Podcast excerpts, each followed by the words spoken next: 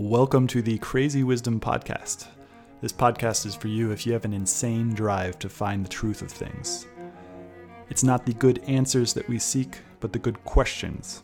I interview a range of different guests from many different fields, all with the intention to uncover the simple truths that are hidden in plain sight. Most people don't want to go there. I go there. My guests go there, and you benefit. Please let me know if you enjoy these episodes, and as always, subscribe on iTunes, Spotify, or wherever you listen to the podcast. Welcome to the Crazy Wisdom Podcast. My guest today is Casey Rodarmor, and he is a Bitcoin dev extraordinaire who is building NFTs directly on the BTC blockchain. So, welcome to the show. Thanks, man. Uh, glad to be here. Uh, it is it is Bitcoin. It is it is Rodarmor, not Rod Rodarmor. Armor. Uh, no, mercifully, since Rod Armor kind of sounds like a condom brand, but I also just think it's kind of funny when people pronounce it the other way. So that's Rod Armor is fine too. so it's Rodarmor because it was funny. Where does your name come from? Uh, yeah, we actually didn't know for a long time, and then uh, a couple like a year ago, I paid a genealogist. Uh, I think like a hundred bucks or two hundred bucks, and I was like, "Hey, like we don't know where this name is from hunt it down because it's very unusual. Uh, yeah. the, the only people who have it like on Facebook or LinkedIn or whatever are literally my direct family and the fake East Coast Rodarmors. There's a there's a there's a story there, but uh, so the genealogist uh, found out that it's uh, I believe German or Swiss German, and it means uh, red sleeve from a medieval fashion trend where you would wear a few articles of like brightly colored clothing. So I always thought that maybe it was something cool that like a knight, like red armor or something. But actually, it's uh, the kind of name that a dandy would have had. Because it's it's reminds me of the way that a lot of people, British people, have the last name Smith, and those you know mm-hmm. those people probably descended from the local smith, um, blacksmith. Right and uh, and so what you're saying is that your name came from this like sleeve that would that was red, or somebody would, yes. would wear. Yeah, yeah, yeah, yeah. Yeah. So the local instead of the local blacksmith from the local dandy who is up on the latest medieval fashion trends. and that ties directly into Bitcoin, right? Um, so so you're what what does it mean like so you're building an nft on the btc blockchain what does that mean yeah, so um, I uh, yeah, it, it, means exactly that. Uh, so NFTs, uh, I believe the first NFTs were on a set on, on an altcoin called um, Namecoin, which was a early uh, DNS system, um, and those were uh, so NFT uh, Namecoin wasn't built explicitly for NFTs; it was built for domain names but people started sort of using it for NFTs. They would make ASCII art um, domains and then trade these ASCII art domains with each other, sort of in the way that we would recognize as modern NFTs. Uh, but there was actually before then a guy named Kevin McCoy, who's an artist based in New York. He made a work of art and sort of declared that it was attached to one of these Namecoin domains. And then because Namecoin domains could be transferred around, that is, I think, uh, the the first real NFT. Um, and then after that, NFTs became popular on uh, multiple chains. Uh, they actually became popular on a Bitcoin side chain mm. called Counterparty. But Counterparty is a is a side chain. It it it Counterparty assets and NFTs can't be held in a normal Bitcoin wallet. And Counterparty has its own um, token, and so it's sort of technically and culturally distinct from Bitcoin proper. Um, NFTs then uh, were implemented on Ethereum, and that's sort of where they took off is is on Ethereum. Um, and to this day, Bitcoin does not have something that people recognize as Bitcoin NFTs. Um, all systems that use NFTs either uh, store them on in a separate place, or they use a separate token, or they use a separate chain none of them can be held in the, in sort of the normal way that that Bitcoin is held. Mm. They can't be held in a Bitcoin wallet, and they can't be uh, like transferred natively with Bitcoin transactions. So I'm working on a protocol which is a um, it's it's an extension to the Bitcoin protocol. I wouldn't even call it an extension to Bitcoin proto- the protocol. It's sort of a way of of using the Bitcoin protocol um, to make individual satoshis transferable and to identify like where individual satoshis are in the blockchain. Currently, Bitcoin, satoshis are the smallest subunit of a Bitcoin. One Bitcoin is 100 million satoshis, and when you transfer Bitcoin using a Bitcoin wallet, you aren't saying which of those satoshis you want to mm. transfer. You're just saying like send a thousand satoshis in my wallet to this destination, and your wallet will sort of you know they're they're just sort of in these big buckets of satoshi goo. It'll just scoop some t- satoshi goo out and throw it to the destination. Uh, this higher level protocol which is called ordinals uh, allows you to actually track which satoshis are being sent by a given bitcoin transaction. And one is they can be numbered like you can actually give them an identity these individual satoshis you can see how they're being transferred. And this is all with normal Bitcoin transaction, transactions. This doesn't require like special Bitcoin transactions. And then you can use those individual Satoshis as sort of the, the vessel for, uh, for content. So hmm. with a special transaction, a, a Bitcoin transaction that includes that content, you can inscribe an individual Satoshi with that content.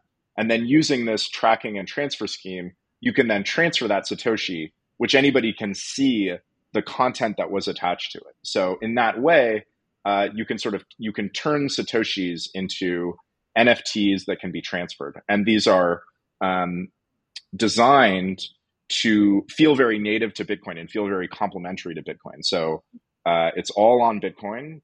Uh, they're held in normal Bitcoin addresses. You can send and receive them to normal Bitcoin addresses. You can send and receive them with normal Bitcoin transactions. Uh, all the data is stored on the Bitcoin blockchain. There is no change needed to the base layer protocol. So this works now without modifications to Bitcoin. And there's no additional token. And so everything was made, and, and the protocol itself, I dare say, feels like a very natural extension to the Bitcoin protocol. And so the reason that it's this way is because I want it to be I want it to be culturally accepted by the larger Bitcoin community. And Bitcoiners are sort of allergic to certain things. They really dislike certain things. So they, they dislike things that they perceive change Bitcoin in a way that you know is like frivolous or they don't like or they or, or that they perceive it to be in host, to be hostile to Bitcoin. Uh, they don't like anything that issues an additional token. Like that's something you know, if I if I included a token in this project of my own issuance, it would be dead in the water as far as getting acceptance from Bitcoiners go. There are other reasons that I don't want to do it, but just touching on the cultural acceptability factor, and then um, it kind of needs to. I mean, I'll just really hand wave you, like feel natural, feel like it's a part of Bitcoin.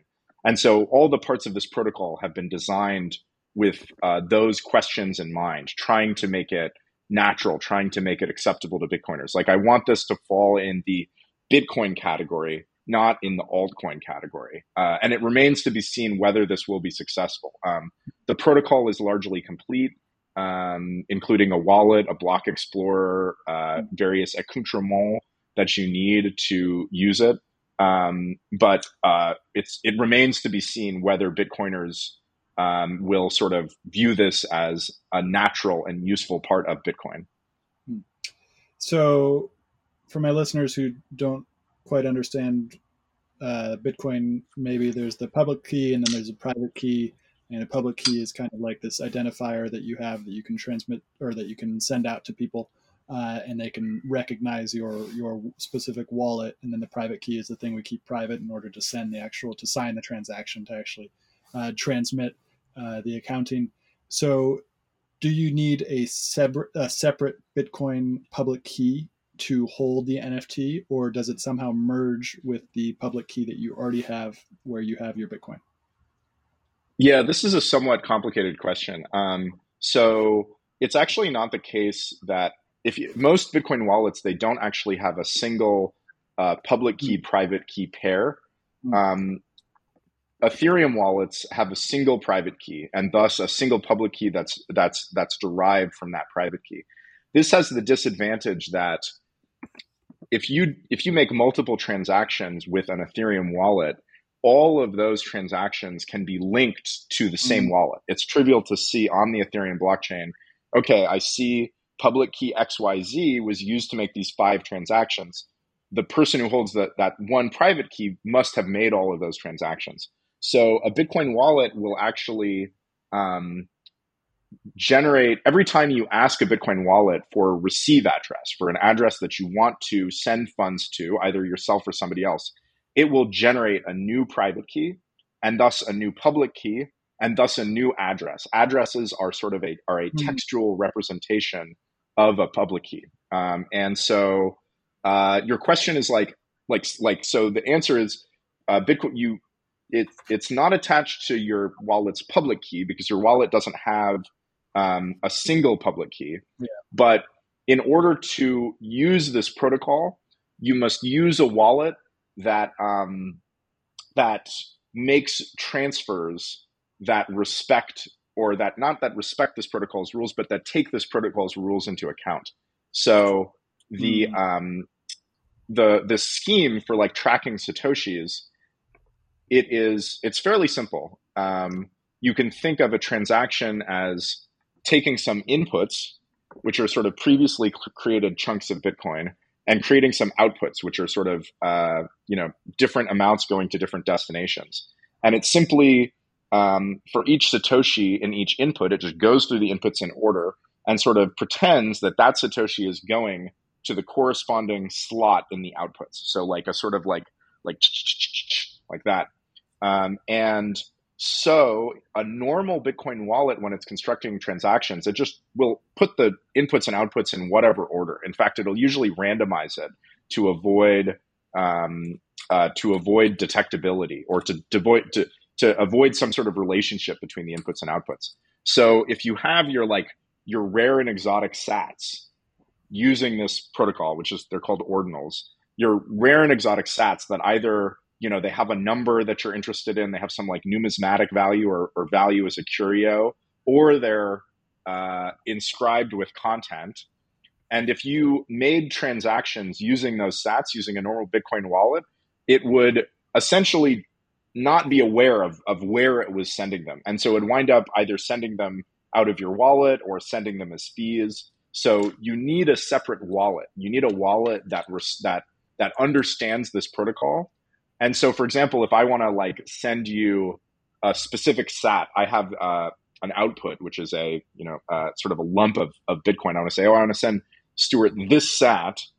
Uh, an ordinal aware wallet will make a will make a transaction that will sort of split out above that SAT, send just that SAT to you, and send any excess back to itself. So it's kind of a sophisticated way that it's got to split um, Bitcoin inputs and outputs. Um, whereas a normal Bitcoin wallet, like it, it has no way of even specifying like send sat XYZ. That's like a foreign concept to normal Bitcoin wallet. So you need a you need a um, a uh, ordinal aware wallet, uh, which we're making, which is just currently it's just a wrapper around Bitcoin Core, so it's a command line wallet. Uh, yeah, you need ordinal aware wallets, and then for inscribing Sats with content, you also need uh, an, uh, an ordinal aware wallet that can stick that content into a Bitcoin transaction and mm. broadcast it on chain. Mm. So, do you need? So, this is why you're interested in having Bitcoiners kind of adopted as something non-toxic. Is that you need? Do you need the Bitcoin core to adopt this protocol, or do you only need the wallet to be adopt the protocol? No, there there doesn't need to be any change to Bitcoin uh, or or core or the protocol. Um, and in fact, it was uh, designed specifically for that way. Uh, changes to Bitcoin Core and changes to less so Bitcoin Core, more so changes to the Bitcoin protocol are highly contentious and highly, um, or they can be highly contentious. If you have a, a, a straightforward change that's like a pure win for everybody, that's very easy to get it accepted. Um, if you have an uncontroversial change to Bitcoin Core, that's very easy to get that accepted. But anything contentious is is very hard. Um, Bitcoin doesn't have a formal governance process, which I actually think is a good thing uh, because it means that there isn't some formal mechanism that rams through b- bad decisions. Um, many, many, many systems like like democracies you know, formal governance also often amounts to some kind of democracy. And one um, problem with democracy is that there can be a change that benefits uh, a large number of people, uh, but very much hurts a, a, a small minority. Uh, it can be less than 51, 50%, or it could be even smaller. It could be like 5%. And democracies don't really do a good job of, of, of protecting for that case because they often compl- they often function that you know there's a period for like raising objections and saying what you want but at the end of the day a contentious proposal can still get rammed through and uh, bitcoin doesn't have any such forcing function and that and that that's a good thing and that but that also means that anything controversial or where the trade-offs aren't straightforward um, is unlikely to happen so the this ordinals protocol was designed very carefully to not require any changes to the underlying bitcoin protocol Hmm. Yeah, that's very interesting. Uh, there's part of me that wants to go into the technicals of, of, what Bitcoin is, what Bitcoin Core is, what is the protocol. But you also said some interesting things about democracy. Um, I'm super happy to go into all such things. yeah, yeah. Uh, and you had mentioned something in, in, in, the text about competitive government, and I was like, what, what does that mean? Uh, but then I was just reading a blog recently about about uh, from Yarvin about how it was the first thing that I'd ever read about Yarvin because I am getting into Urbit, and it is clear that although mm-hmm. Urbiters don't like to talk about Yarvin uh, because of how controversial it is that the guy created it. So, mm-hmm. uh, and he was talking about how the patchwork age is going to end up in this place where governments are going to become, start to become competitive in the same way that corporations are. And that brings me to mm-hmm. Lee Kuan Yew of Singapore. It seems like a lot of people who would fit into that idea think about Singapore as this kind of like utopia of uh, competitive governance. But then that goes into something else that I have an issue with about what happened in terms of Singapore, in terms of COVID, um, and how like ideologically, uh, like it's all it's the same thing that you just talked about that happened in Singapore to the people who might not have wanted to do various things in regards to COVID. Um, right. they all got steamrolled in, in, in Singapore. Yeah. Well, so the culture just probably didn't have that much leniency for thinking outside of outside of that box. I'm sure there there there are people so, in Singapore who didn't take it, but go for it. Yeah, so I, I think the key there is that um, competitive governance usually works. Uh, it's a mechanism that mostly exists between different governance, different governments, not within the territory of a single government. Um, there are some sort of ideas about how you might have overlapping um, overlapping governance. You know, sort of like you know uh, the David Friedman, who's the son of Milton Friedman. He's a anarcho-capitalist um, sort of philosopher and economist. Let's say economist, and and he has an idea about these overlapping rights enforcement agencies, and so within a given geographic territory, you might have a choice of multiple Hmm. rights enforcement agencies. That's a that's a model that does not exist and may or may not actually work. That would have very good competitive governance qualities because within the same geographic region, you could pick your rights enforcement agency. Um, but in the case of Sing- Singapore, I would argue that Singapore is a good uh, example of competitive governance, mainly because um, it, it Singapore has to compete with other governments around it. Um, you know, it has to have good trade policy. It has to have good business policy. There's no reason to do anything in Singapore um, if the policies are bad. It's not a it's not a very large power. It's not a power. It's not a very large territory. It's not a territory that has a ton of you know natural resources. I, I get it is in a nice position as far as trade goes, but there's many other islands in the in the neighborhood that are in equally good positions. So Singapore is is forced to compete with its policies because uh, businesses will leave, uh, people will leave, uh, trade will leave. Um, but it is the case that when it makes bad decisions or when it makes any decisions, it still has uh, exclusivity within its own geographic realm. I, I think that I, I, love I love the idea of uh, non geographically exclusive uh, governments, but I don't know if that is even possible. Like it might just be that there's no stable configuration of government where there isn't a single monopoly on the use of violence within territories within a territory.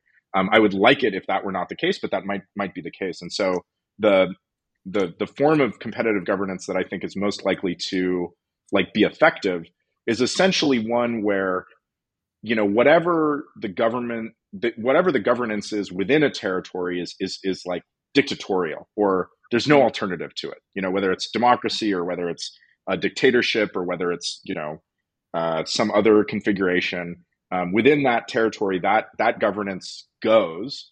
Um, but there's either it's it's in, in, an ideal scenario it's very easy to leave. Exit costs are very low. Um, so you, so you can easily go to another government. And so essentially because of this and also the, the, the governments there's many many different governments to choose from and they're relatively uh, geographically small or, or at least they don't have to be small but there has to be a lot to choose from. And if you have that then um, you know if people don't like a government a government they'll, they'll just leave. Um, it's very similar uh, to something that i've heard said about uh, restaurants. So if you live in a you know large city restaurants tend to be extremely good. Um, but you don't have any say on what's on the menu or what the prices are as an individual customer. Like they're like these mini fascist dictatorships where they say like, you know, this is the menu and this is you want an egg sandwich, like, and this is what it costs. And if you don't like it, like leave. So you have zero choice about what's on the menu, but you have perfect choice about which restaurant you go to. And so in fact, you don't need to uh, be able to dictate what's on menus or what the prices are because if enough customers decide not to go to a restaurant, it simply goes out of business or it has to adapt its menu and prices to continue to get clientele. So that's sort of the competitive, the I think the the most realistic form of competitive governance where um, there's many governments, switching costs are low, and so governments have to compete with with good policies essentially. Yes, that's really interesting, and it almost seems like the United States is actually the best place for that um, in our current time because we already have a little bit of that with the federal system. Uh, a case comes to mind is that the people that I bought my current house from moved outside of California specifically, and this was before COVID. Uh, they bought it specifically because they were homeschooling their kids in California, and California decided to say, okay, everybody, including homeschooled students, need to get these certain vaccines. Uh, and so, oh, really? They, yeah, and then they moved to uh, Tennessee, uh, which that state doesn't. Mm. That, that state specifically says that's not going to happen here, and there's a few other states like that. And so it almost seems like the United mm. States, while our federal government is becoming more oligarchic that our state government is actually serving its original purpose um, in in allowing people for that thing that you're talking about for competitive governance within this strange mixture of federal and state uh, governance. What do you think yeah, about that? That's right.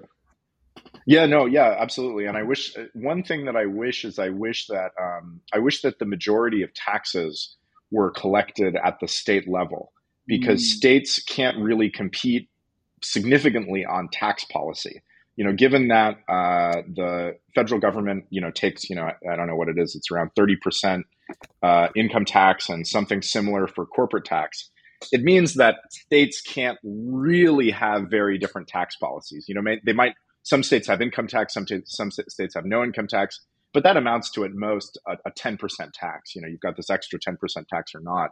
If the federal government didn't collect those taxes, then states could actually very strongly differentiate themselves. The state could say, yeah, no taxes. And that would, and, you know, California could say, you know, 40% taxes. And you could decide whether or not you wanted to live in California and pay, pay 40% taxes or in uh, Miami or in Florida and pay 0% taxes instead of the current state of affairs where, well, you can live in, in California and pay 40% taxes, or you can live in, in Florida and pay 30% taxes, but they're not super differentiated.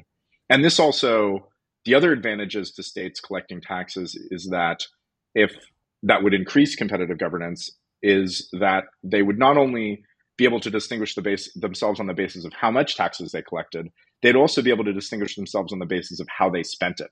Right. So some states could just say, okay, we're just going to do UBI, right? All the taxes we collect, we're going to redistribute that distribute that to the people. And you actually see that in Alaska. In the um, there's this mm-hmm. sort of dividend that Alaska pays all of its residents from, I, I, believe it's oil and natural gas or other natural resource like exploitation in the state, and um, they pay that to their residents just as a dividend. Uh, oh yeah, video is is is not great. Video is problematic. Oh yeah, the quality's. I'm no no the the quality is. Uh, it's probably just just reducing the quality of what we see, and not um, the actual quality of the, the of the video. Yeah. Yeah. We'll try this, but uh, but go on. Okay. Yep. Um, so uh, yeah. So anyway, so if states collected taxes, then they could decide also how they wanted to spend those taxes. In the current system, the federal government spends taxes, and then it decides how it's going to spend it through various federal programs that mm. then get you know mm. filtered down to the states. So the states don't have much ability to distinguish themselves on the collection side, nor do they have much ability to distinguish themselves on the spending side. Hmm. Interesting. So let's take the conversation out to the interstate level too, as well, because it seems, from my understanding, that the biggest breakdown in the past few years, if not from 1492, is the difference between the Western Hemisphere and the Eastern Hemisphere. Uh, the Western hmm. Hemisphere mm. is actually like somewhat uh, similar. Like it, uh, if you go to Brazil, Brazil is actually pretty similar to the United States with all these little changes that they had in their history.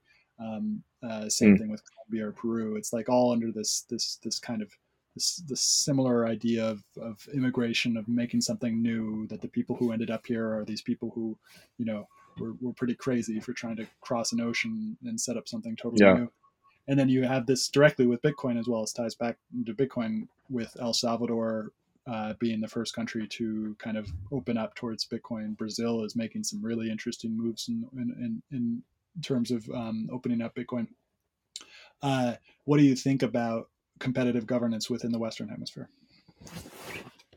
Oh yeah, I don't. It's not something that I know a ton about. I know that there are certain um, startup government projects. There's Prospera. I don't remember what.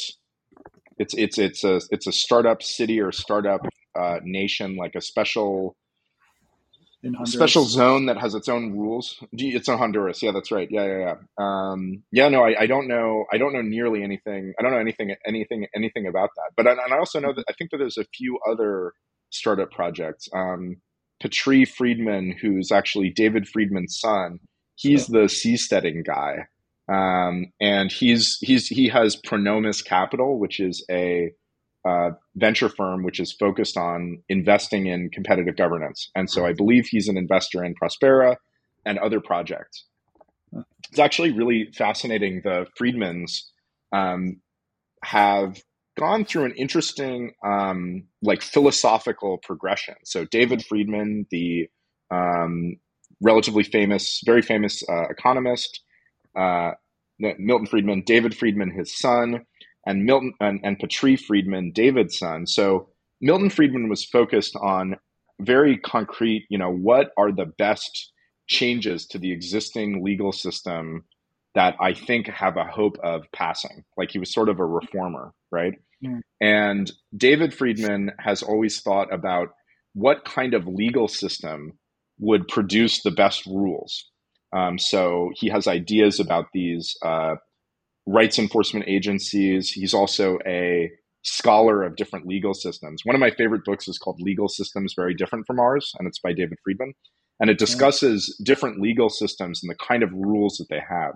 Very different legal systems. So, Icelandic legal system, the Icelandic legal system during uh, the, the saga period, um, the legal system on a pirate ship, prison law, um, embedded legal systems like Amish law and Jewish law, where there's a legal system that's embedded in a larger legal system, uh, Romani law, Imperial Chinese law. Oh, wow. So David Friedman was like thinking a lot about um, what legal systems were best, like what qualities of a legal system might produce the best rules. And then Patri Friedman has gone like another layer of abstraction on top of that and asked what what scenarios will produce the best legal systems um, not what those legal systems exactly would what, what those rules would be in those legal systems but how can we create an environments where good legal systems will arise and that's why Patri Friedman is so focused on competitive governance, right? Yeah. He's he's not exactly focused on what the specific rules would be in these in these startup countries or these charter cities. He his his thesis is well, rules are hard to make, and the best rules will probably arise under um, in environments where competition between governments is high. So let's create uh, a high degree, high. Let's increase the degree of competitive governance, and so let's do things like found charter cities, seasteading, other projects like that that seek to sort of increase the diversity of governments and the number of governments and, and, give us more options for governance in the hopes that they will lead to better more functional legal systems within those within those places.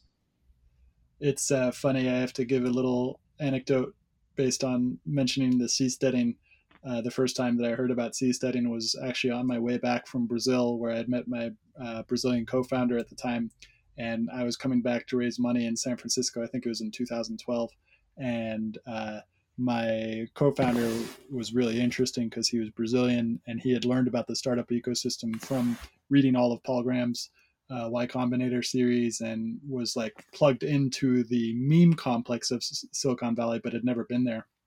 Um, and then, uh, so I was coming back from Brazil to raise money for the the startup, and my Brazilian co-founder Felipe introduced me to people that he had only met on the internet who were starting Blueseed. Did you ever hear about Blueseed? Uh, sounds familiar. Was it a seasteading seasteading project? So Blue St- Blueseed was an idea of a startup incubator 12 miles off the coast of California, off of Silicon Valley mm. in international. Ah, uh, yeah. Where all the where all the startups would get incubated, and then they could just travel by boat to do uh, to do meetings with investors. Um, and so we were applying to Blueseed. They needed to raise $50 million. Uh, and the BBC actually interviewed me, and anybody who's interested, that they can they can find this interview with the BBC on on on seasteading.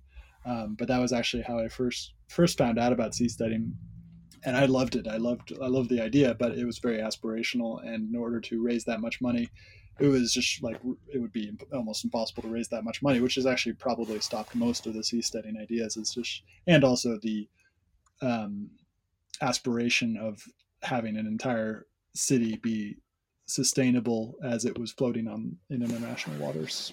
Um, mm-hmm. Yeah, I think I think seasteading just winds up. I think just I think the economics are just very bad, uh-huh. right? the everything's costly it's costly to get out there maintenance costs are horrible it's you know it's probably tens or hundreds of times the cost of just building an you know an apartment on some land it sucks there's not much it's hard to get fresh food everything is just hard about it it's a you know good in theory but doesn't turn out to work very well in practice uh, i was just thinking that maybe you know in the same way that they have and i'm sure they've already talked about this but uh, the molten reactor, molten uh, thorium molten reactors are supposedly a new lower cost way to nu- nuclear power, um, and it would be mm-hmm. interesting mm-hmm. to see whether these, if these actually come to scale, whether it would be possible to make it a little bit cheaper to do to do seasteading with these uh, with nuclear power. Okay, let's. I, I, don't think. I mean, I don't know if the if power is the limiting factor there. I think it's like I think it's building materials and mm-hmm. food and stuff like that. I don't know. Maybe if you have unlimited nuclear power, you can do desalination really easily, and then maybe it gets easier to grow things at sea. Mm. That would be interesting. Um, mm. So let's go back to Bitcoin um, because now I have this opportunity to, to somebody who really understands the technical nature of Bitcoin, and I love to figure out uh, what is actually going on there. Um, so I'm going to give my high level understanding of Bitcoin, and you can tell me where I'm wrong.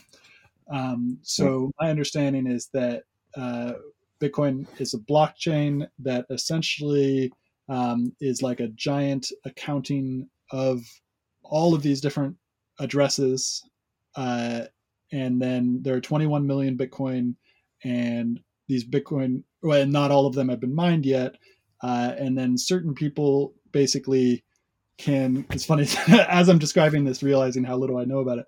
Um, and so each person basically, or well, and then there's a whole bunch of transactions that are happening uh, and those transactions are basically just accounting moves from one bitcoin public address to another bitcoin public address um, and then the thing i really don't understand is the unspent transactions uh, so how am i wrong in, the, in this high level abstraction of bitcoin Everything was right. You did a great job. Yeah, I mean, roughly, there's you know, there's some things that are missing, like mining and other details, but at a high level, that's right. Um, I, I think you mentioned unspent transactions. Are you referring to the unspent transaction output set? Yes. Yeah, yeah. So that is a detail of Bitcoin that's rather weird. It's rather unintuitive. So the way that people assume that Bitcoin works is they assume that it it kind of works like a system of bank accounts, right? Like that that that it's it's it's a it's it's it's that on Bitcoin, Casey has a bank account and Stewart has a bank account, and when I do a transaction, it debits my bank account some amount and then credits your bank account. So maybe I have 10 Bitcoin in my bank account and I do a transaction that debits five Bitcoin and increases your Bitcoin, your bank account. Let's say you started with two, increases your bank account by five Bitcoin. And so after the transaction, I have five Bitcoin and you have uh, seven Bitcoin. That's kind of a good rough approximation for how it works. But once you get into any sort of detail, things it, it just kind of falls apart because that's not that's mm. not how it works. Mm. Um, the way that Bitcoin works is Bitcoin transactions. I kind of think of them like a card. Okay. Like imagine a big piece of cardstock with a line down the middle. And on the left side, it says inputs. And on the right side, it says outputs. So what a transaction does is it takes some number of inputs along with authorization to spend those inputs. Uh, each input has a value in Bitcoin. And for simplicity, let's say that it has a, a public key associated with it. So a transaction provides a signature for each one of those inputs, and those inputs are destroyed, mm. and new inputs are created. And the rule is is that the outputs of a transaction, the outputs of a transaction, the sum of the outputs has to be equal to or less than the sum of the inputs. And this is what prevents um, transactions from creating money out of thin air. So the Bitcoin network keeps track of what's called the unspent transaction output set. You can think of the untrans- un- unspent transaction output set kind of like a big pile of coins. Okay, a big pile of coins. Each coin has a different denomination in Bitcoin, and it has a different uh, public key on each coin. And so, what a transaction does is it picks some coins out of that pile, removes them from the pile, and then puts new coins with new addresses in their place. And those new coins that are created must be equal to or less than the coins that were destroyed. And if they're less than the coins that were destroyed, that's how transactions pays fees. And those those fees go to the miner of the block that the transaction was included in. So the account metaphor. If, mm-hmm. if those transactions would were above the amount, then they would get canceled, and, it, it, and the, the network would would reject it.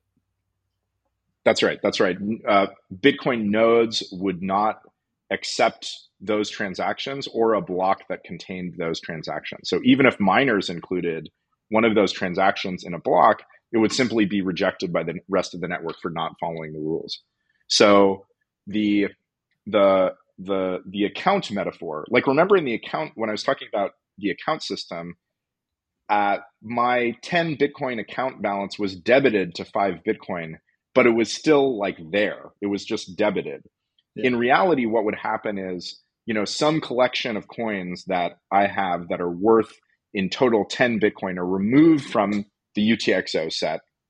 And then a new coin worth five with your address is added onto the UTXO set. That's the coin that I'm sending to you. And at the same time, another coin worth five is added to the UTXO set with, with a new address from my wallet on it. And that's the change. So Bitcoin actually operates sort of on this like model of coins being added and removed from this big pile, um, and not on a well everybody has an account balance that and these accounts get debited or credited. That is actually the account model is actually the model that Ethereum operates on, under. Oh, um, but but not Bitcoin. Yep, yep. Okay, and this is why some people believe that Bitcoin is like this a new accounting in the same way you have double bookkeeping, um, or uh, in the same way that in 1400s someone in Italy invented this new way of doing accounting, which is uh, I forget the actual name, but it's like double book accounting, where Sing, single single entry account, accounting, double entry accounting, and some people claim that Bitcoin represents uh, triple entry accounting. Yeah, but you're actually saying so. yeah, I that that metaphor doesn't really make sense because it's a whole new thing that does, it's not really accounting. It's like creation of a whole whole bunch of new coins that has to add up to the recent to the most recent block um, in a way, but it's actually creation of whole new public keys. Yes. So, uh, uh, yeah, I am skeptical of people who say that Bitcoin is is a triple entry accounting system. I think that if I if I steelman their position, what they would say is, in a double entry bookkeeping accounting, you're you sort of have every every entry every entry into every transaction is accounted for twice in two local ledgers that mm. both need to um, agree with one another. And they would say that in Bitcoin, not only does do these do you do you must must your local ledgers square with each other, all ledgers in the system must square mm. with hmm. each other, right? Because there's a, there's this global ledger with all transactions in it. I think that that's what they're saying. And if that's what they're saying, then it's then that seems reasonable, right? Like, okay, now we have this this third sort of ledger that everything needs to be um, accounted for in, and maybe you could argue this represented a new system of accounting. And in fact, it has you know nice properties. It means that you know the the the the, the global state of the ledger is guaranteed to be consistent, whereas in double entry accounting not only concerns the accounting of the single firm's mm. books, and so there's no need for the the books of multiple firms to be in agreement with each other. Um, so yeah, I guess that's a reasonable interpretation of it. Um, and where we where we stand now, do you think that Bitcoin still serves the purpose of digital gold? Yes, yeah, absolutely. Yeah, I think that uh, yeah, digital gold. I mean, I think that Bitcoin serves the purpose of um, of, of digital money. Um, it is not great for payments, but it is good for savings. It is good for larger payments. And with the Lightning Network, it can also be good for small payments. And it does this while maximizing decentralization. And it's, you know, there, there's, there's always trade offs to, or there are often trade offs to ways that people propose to improve Bitcoin or ways that altcoins are different from Bitcoin. And, and I think that a lot of these trade offs are often um, unacceptable. So I think that Bitcoin represents a very nice point in the trade-off space for digital gold, digital money, digital payments. Because hmm. it is it is interesting how it just astounds me every time that I go to use a credit card or a debit card.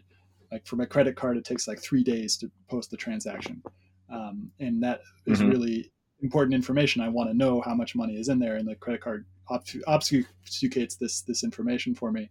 And then I go to make a big Bitcoin mm-hmm. transaction. Mm-hmm uh, and it's you know done. It's not really fast. It's, it's like 30, 30 minutes, but you know if, if I were sending billions of dollars, I could still do the same thing for that that quickly. Whereas like if I were to try to do that with my bank, it already takes three days to do the bank transfer anyway, uh, and then it's like if I were doing billions of dollars, the bank would put a you know to like Argentina or something like that. The bank would start to invest, investigate me.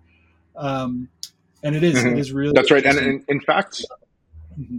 In, in fact, uh, credit cards are not final for even longer. A credit card charge can be mm-hmm. disputed or reversed for, I think, at least three months, maybe six months, whereas a Bitcoin transaction is final once it's mined. So it's true that they are uh, less convenient for that initial showing up in your account balance. They might take 10 minutes or so, but they provide something that credit card and debit card and wire transfers don't provide for months and, in fact, possibly indefinitely uh, because they can always be reversed, whereas Bitcoin can be considered final very quickly.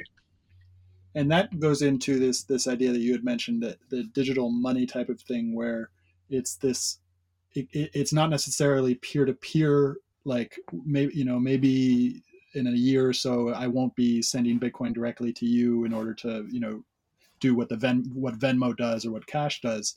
Um, but in this kind of larger sense, as this base layer, in the same way that maybe it's a replacement for euro dollars, basically, because euro dollars are this way that institutions could transact uh, across borders using a uh, like a, using this thing that would retain value over time. Um, so, would you would you disagree or agree with that as a kind of example as Bitcoin as euro dollars? Um, euro dollars are weird. As I understand it, euro dollars are dollar denominated uh, liabilities in bank accounts outside of the U.S. Uh-huh.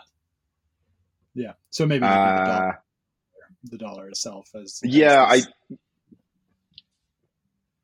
I think Bitcoin, yeah, I think Bitcoin competes with the dollar and also competes with existing payment networks. And it it's unclear how much where will will land, how much individuals will use Bitcoin. Um, in order to remain decentralized, Bitcoin must have a relatively small block size, relatively small blocks that are fast to download and fast to process.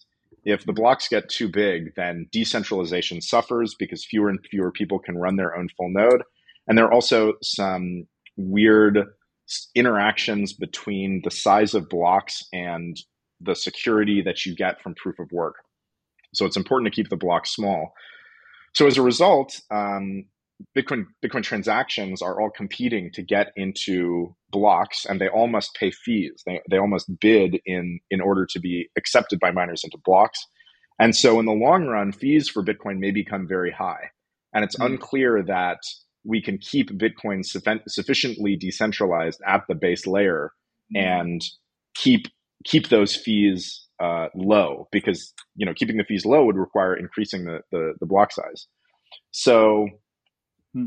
um, fees might get high, and if fees get very high, then it means might mean that Bitcoin is only used for very high value transactions. You know, you could hmm. imagine a world in which Bitcoin fees are persistently 10 20 30 40 50 dollars and this would make them only suitable for transactions maybe a, that are a thousand dollars or larger. And so bitcoin may become the sort of high powered base layer money and settlement network of the world and mm. and not very many people may wind up using bitcoin in the base layer. But i would say that even in that i mean obviously i hope the it's it's much better if bitcoin winds up being used by as many people as possible as the, on the base layer. But even if it becomes this high powered settlement money, it still provides meaningful competition to all of the world's payment networks mm. and all of the world's fiat currencies. It's it's unclear why somebody would want to accept uh, large amounts of inflation, large amounts of persistent inflation, as we see in um, the developing world, if something like Bitcoin exists. Um, and it might, it I think it serves to force those payment networks and currencies that it that it potentially competes with to have much better policies mm. because otherwise people will simply simply use bitcoin instead. Oh, that's interesting. I've never heard that about putting pressure on fiat systems to actually become less crazy. Um, yeah absolutely. uh, bitcoin has an bitcoin's inflation rate i think is below it's definitely below 4% um, and it might be below 2% i don't remember. And it is just going to continue to fall. And this inflation rate is already very competitive with other with with fiat currencies. Yeah. So I think particularly in terms of inflation, there's just going to be no no reason to hold anything that's that's inflating at more than four percent. Fiat currencies will still be able to get away with some inflation because people do like the stability of fiat currencies, but they won't be able to get get away with a lot of inflation if there's this, you know, permissionless digital alternative money that can be used over the internet. Interesting. Um, and I think the Nigeria is probably the most interesting case at the moment because Nigerian government it's one of the largest Bitcoin economies already, and the Nigerian economy has already released, or the central bank has already released a CBDC, central bank digital currency, uh, and they're now limiting cash, cash withdrawals um, at ATMs in order to uh, influence people to start using the CBDC because nobody wants to use it, uh, and, uh, and, right. but they've got huge amounts of Bitcoin in that country because they're already used to an inflating currency. Um, yeah, another absolutely. Yeah, another example is Argentina. Uh, a lot of people talk about Argentina as this perfect use case because the government, the central bank, is uh, inflating away their currency, and you can you can get really good rates on the U.S. dollar only if you use the black market. But if you go into a bank and take out dollars, they give you this uh, a flat rate for this exchange. But and the difference between the two is huge. Uh, but then somebody did a report on what they're actually using, and it turns out that they're not using Bitcoin. They're not even using Ethereum. They're using Tron, like the U.S. the the stable coin, right. and it's and it's not even the the not the consumers who are using Tron. They're still they just want dollars. They uh, they want actual physical U.S. dollars. It's the the black markets are using instead of going to Uruguay to pick up U.S. dollars, they're just using Tron to transact between different parties in order to get U.S. dollars, basically. Um, mm-hmm. So it's wild. Yeah, that's right. Yeah, stablecoins are. Yeah, like stablecoins are most popular on these not very decentralized chains like Binance Smart Chain and Tron, which are you know very centralized, essentially of a single operator. But the major stablecoin issuers like uh, Tether and USDC, I don't know where USDC issues stablecoins, so maybe not USDC, but I know that I know that there's Tether on Tron, and so Tether on Tron and Tether on Binance Smart Chain gets get huge amounts of use because people desperately want access to a to a stable store of value, um, and that already provides competition with um, with with fiat currencies. Argentina is fascinating to me because it's it's so wildly dysfunctional. The mm. government just prints insane amounts of money. They can't seem to get out of this trap of printing insane amounts of money. The currency inflates wildly. Uh, they can't collect taxes at all, which some have speculated is why they have to print money because there's no way to fund the government. And so there's this weird, like, ongoing situation where the government inflates the currency like crazy. People try to avoid using the Argentine peso as much as they can as possible. Um, and and and it's clearly a bad situation. It'd be much better if they didn't inflate the currency and everybody just kind of paid some taxes to support the government. But they can't seem to get out of it. They're in this scenario where nobody's willing to start paying more taxes. The government is completely unwilling to stop printing more money, and so they exist in this in this dance, which looks quite crazy from the outside. You know, with people immediately converting their their paychecks into groceries or um, U.S. dollars because they're losing losing money by the minute, um, losing value by the minute. Uh, yet yet nobody can get out of it. There's sort of no like coordination. I actually think what Argentina should do is, you know, I mean, if this is this is like hypothetical, maybe nobody is like smart enough or has the incentives to do it, but they have a very hard time collecting taxes. So maybe what they should do is they should start collecting taxes through a mechanism which is very easy to enforce. And this would be either uh, probably a, a, land value tax where they collect some um, proportion of the unimproved value of land in taxes every year. This is a, a great tax uh, for a lot of reasons. It's economically efficient. It doesn't discourage, discourage useful activity, but also it's very hard to evade. The government can just divide the country into parcels and then say which what every single parcel parcel is worth. And at the end of the year, they collect the taxes from from the people in that parcel. And if the people don't pay the taxes, well, then they send the goons to the parcel and kick everybody off of the parcel and, and you know sell it on the open market. Right? It's a very hard tax to evade. And if they started doing that, then maybe they could start collecting some taxes in a way that people wouldn't evade, and then they could fund the government without heinous inflation, and then maybe things would get a lot better. so that's well, awesome. This has been a, a great conversation. Um, uh, check out uh, the Hell Money podcast with Casey Rodarmor, right?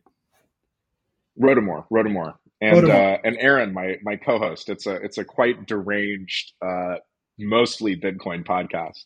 Uh, um, and anything else you want my listeners to know about what you're working on?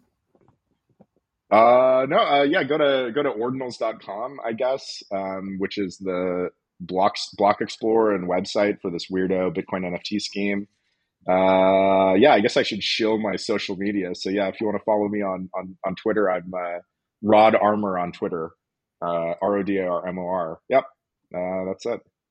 That was uh, great, great, uh, great talking with you yeah, awesome, awesome, awesome being on the pod. Thank you for listening, and I hope you enjoyed this episode. As always, you can find me on Twitter at Stewart Alsop III. Also, don't forget to subscribe on Spotify or iTunes for every weekly episode that I publish on Monday mornings. Hope you have a great day. Thank you for listening, and I hope you enjoyed this episode. As always, you can find me on Twitter at Stewart Alsop III. Also, don't forget to subscribe on Spotify or iTunes for every weekly episode that I publish on Monday mornings. Hope you have a great day.